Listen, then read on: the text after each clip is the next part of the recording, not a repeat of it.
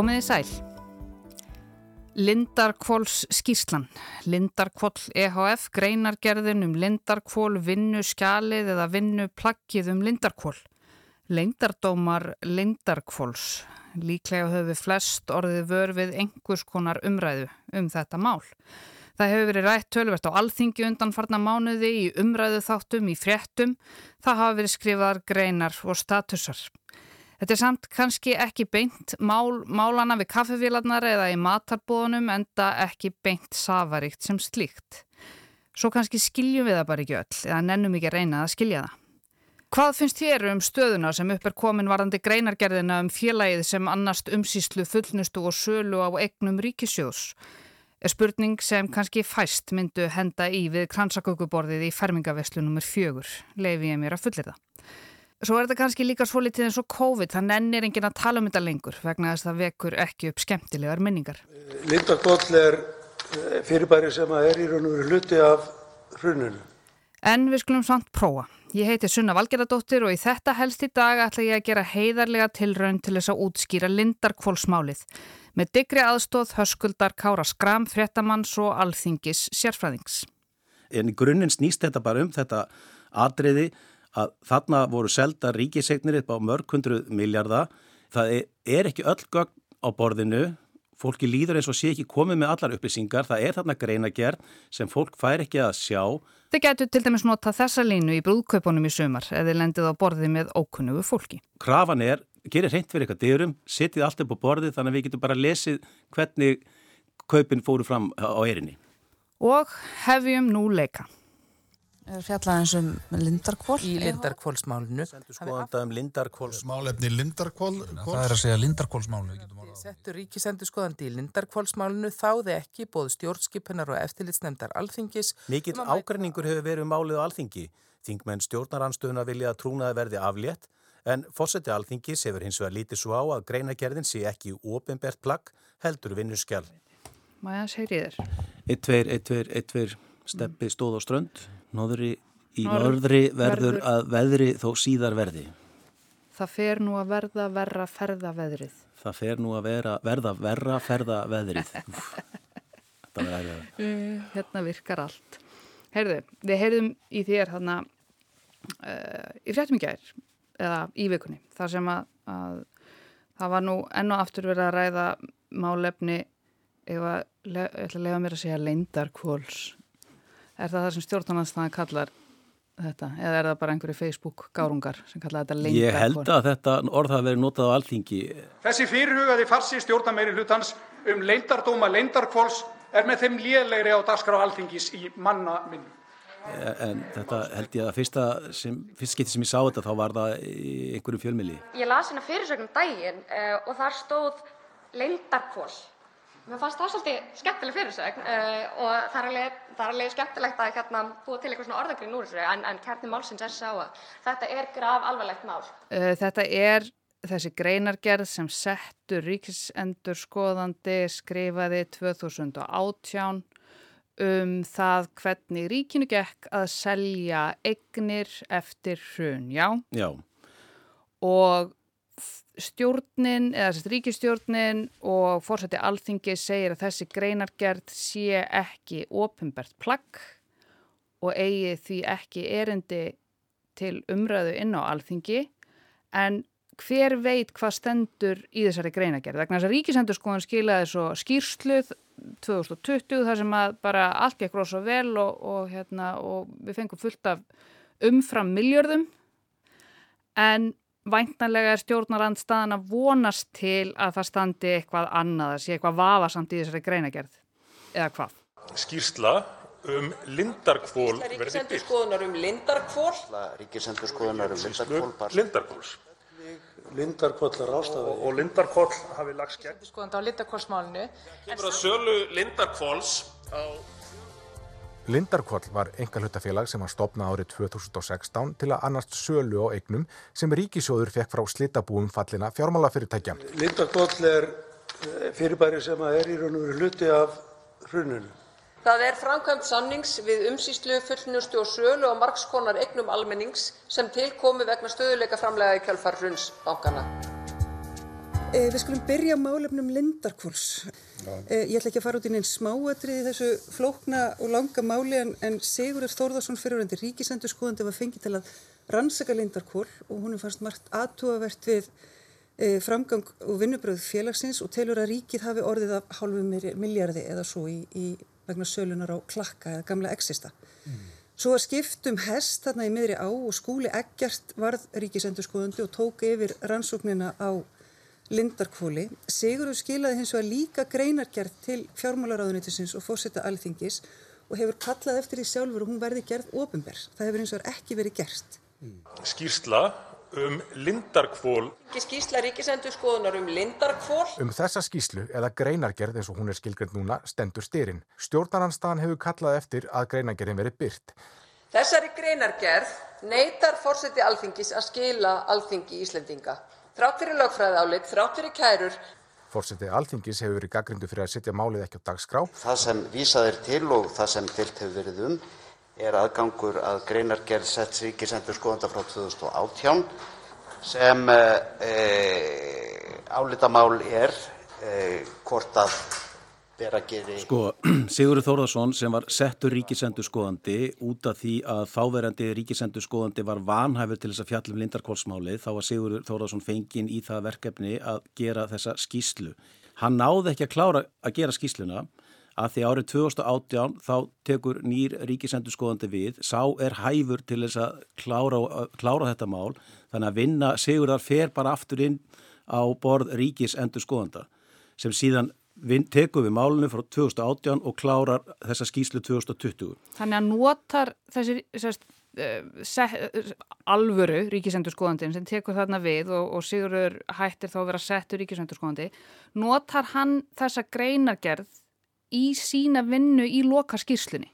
Já, sko það er líka fyrir eftir því hvað þú stendur í þessu máli, hvort þú notir orðið greinagerð eða vinnuskjál Eh, Fórseti Alþingis hefur eh, ítrekkað or, notað orðið vinnuskjál í þessu samhengi og, og vísa til þess að þarna hafi raunverulega verið e, bara hálkara verk og, og, og vantaði til að mynda margar svör við mörgum spurningum. Það er, það er, þau svör hafi síðan fengist í þessari skýslu sem var gerð ofnbær 2020 og þess vegna eigi þessi greina gerð ekkert erindi. Þetta hafi bara verið, eins og ég segi, hálkara verk sem að Alþingi fekk bara greina gerð um hvar vinnan var í stödd og svo tók bara ríkisendurskóðandi þessu upplýsingar og kláraði vinnuna. Þannig að þetta er bara eins og eitthvað uppkast af einhverjum kabla sem að er þá lokar skýrslan. Já, en, en Sigurður náttúrulega skilaði þessari greinagerð og hann vil náttúrulega meina sjálfur að sé, það, þessi greinagerð eigi erindi og, og e, það eigi að gera hana ofinbera. Það er sér ekkit í henni þannig séð sem að, sem að hérna, sé þess valdandi að það eigi að ríkja svona mikil trúnar um hana. Uh, og jafnvel bara ekkert endilega í henni sem að myndi eitthvað stangast á við endanlega nýðustöðu ríksendurskóðanda 2020? Já, það má skilja orð sigur þannig að það sé enþá ymsum spurningum ósvarað í þessu máli og þessum spurningum sé ekki svarað í, í skýslinni sem hefur verið gerð ofenber.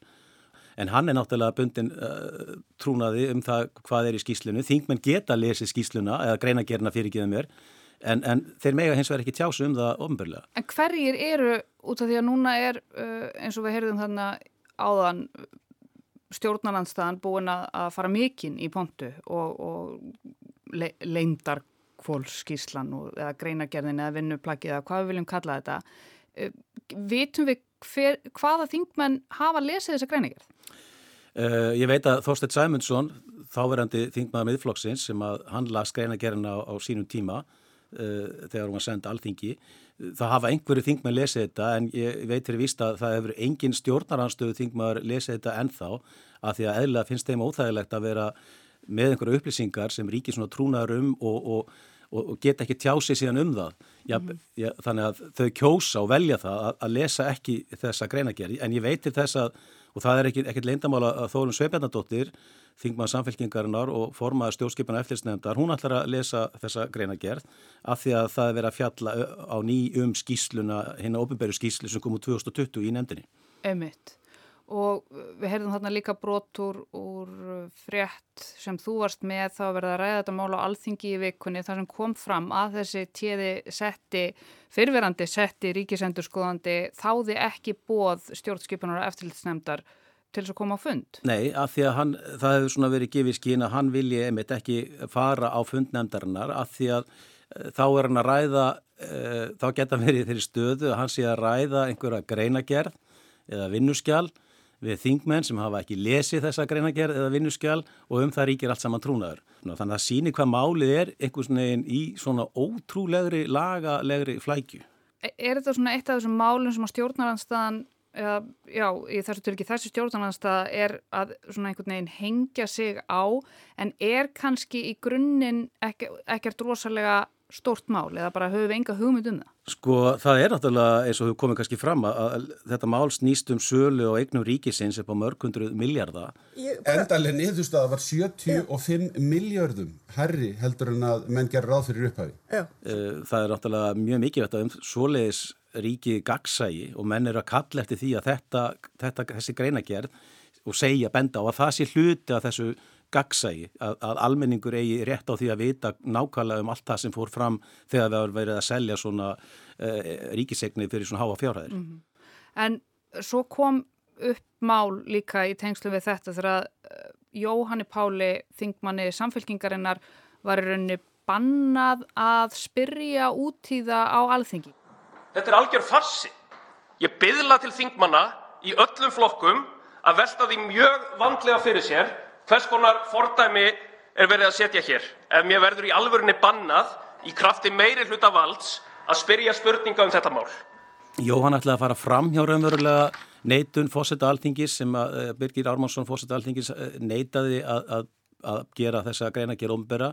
Þannig að hann laði fram fyrirspurn á alþingi, Jóhann Pál, sem fól í sér að fórseti alþingis þyrti einhvern veginn í svörum sínum að gera greinagerina ofinbera mm. og þá mm. saði fórsetin, heyrðu þetta, eh, það er ekki hægt að bera svona fyrirspurt fram mm -hmm. og um það snýrist máli, hann var raunverulega bara að reyna að komast eh, fram hjá þessari neitun fórsetar. Emitt, og gekk ekki Nei. upp.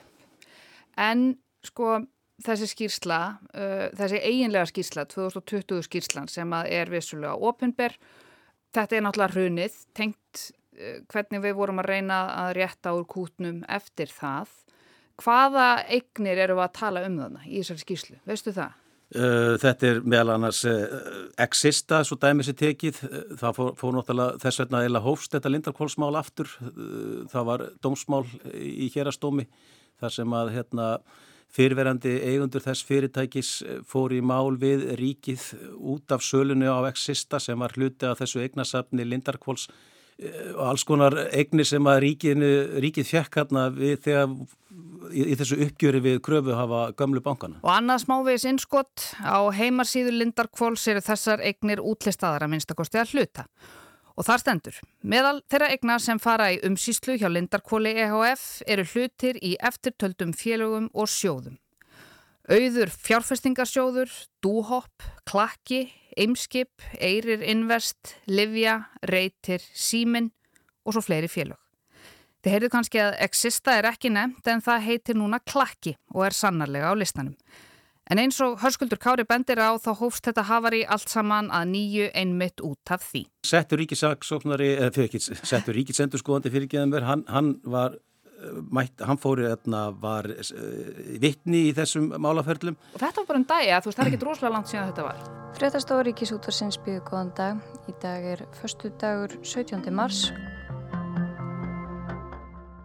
Íslenska ríkið var í dag síknað af 650 miljóna króna skadabóta kröfu frikusar í tengslum við sölu Lindarkvóls á félaginu Klakka áður exista árið 2016.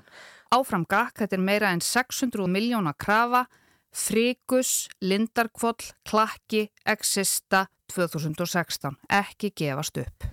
Sigurður Valtísson, fors, forsvarsmaður Fríkusar, segir í yfirlýsingu til fréttastofu að dómurinn sé mikil vonbreyði og segir að gögn og vittnisspurðir hafi sínt alvarlegar brotalamir í tengslum við söluna og eignar hlut ríkisins hjá Lindarkvóli. Og grípum aftur aðeins niður í heimasíðu Lindarkvóls þar segir Við umsýslu, fullnustu og sölu eignana mun félagið áherslu á gagsægi, hlutlækni, jafnræði og hakkvæmni. Með hagkvæmni er átt við að leitað sé hæstaverðs eða markaðsverðs fyrir egninnar. Sala og ráðstöfun mun eiga sér staðað undan gengnu opnu tilbóðsferli þar sem gættir gagsægis og jafnbræðis bjóðenda. krafa þeirra fólks meðal annars í, hérna, í þessum réttarhöldum sem leiti til þess að, hérna, að lögfræði álit flóka áskilsona lögmann sem það hvort að ætti að gera þessa greiningar ofinbera lögfræði áliti var gert já, það hefði ekki gert, gert ofinbert á þetta þetta er náttúrulega ótrúlega lagaleg, svona laga ormasúpa ég veit ekki hvernig ég á að kalla þetta Skaðabóta kröfu frikusar í tengslum við sölu Lindarkvóls á félaginu Klakka áður exista árið 2000. en, en grunninn snýst þetta bara um þetta atriði að þarna voru selda ríkisegnir upp á mörg hundru miljarda það er, er ekki öll gögn á borðinu fólki líður eins og sé ekki komið með allar upplýsingar það er þarna greinagerð sem fólk fær ekki að sjá og krafan er gerið allt bara, gerið reynd fyrir eitthvað dyrum, setið allt upp á borðið þannig að við getum bara lesið hvernig kaupin fóru fram á erinni Hvað er í þessari greinagerð sem við megum ekki sjá? Já, þetta er um, sko Hvernig heldur þetta að fari? Heldur að, að við fáum að sjá þessa greinagerð? Við fáum að sjá hana einhver tíman. Uh, ég held að eins og staðan er núna þá er þetta ekkert að fara að breytast. Uh, það er stanslust, uh, fórsætti alþingis hefur bara þrátt fyrir það að allir fulltrúar í fórsættisnefnd alþingis hafi greitt atkvæði með því að, gera þessa greinagerð ofnbera. Þá hefur fórsætti alþingis neitunavald og hann hefur stoppað þessa byrtingu ynga til og hans svona lögfræðilega sína á þetta mál er svo, eins og við höfum minnst á hér, að þetta sé vinnuskjál og þar að leiðandi eigi ekki erindi til almennings vísar bara í þessa skýslu sem var gerð ofinberð árið 2020 og undir það hafa ráð þeirra ríkistjóðarna líka tekið. Mm -hmm. Og þess vegna er þessi tilfinning, veist, akkur megum við ekki sjá þetta og þá fyrir maður að hugsa, já, býtu, er eitthvað þarna sem að þól er ekki dagsljósið. Emitt. Hvað er í þessari greinagerð sem við megum ekki sjá? Að kannski er ekkert í greinagerðinni sem, sem að er afhjúbandi eða segir að eitthvað, segir að eitthvað ólöglegt hafi átt í stað heldur kannski frekar að það eru þarna fleiri spurningar sem að við þurfum að fá svar við mm -hmm. og kannski er það þess vegna sem menn vilja sjá þessa greinagerð, ekkit endilega að þarna sé standi skýrum stöðum að hér hafa orðið einhver misbrestur á. Og líka kannski vegna þess að maðurinn sem skrifaði greinagerðina vill að hún verði gerð ofinbjörn. Já, já, hefur ítrekkað það aftur og aftur. Mm -hmm.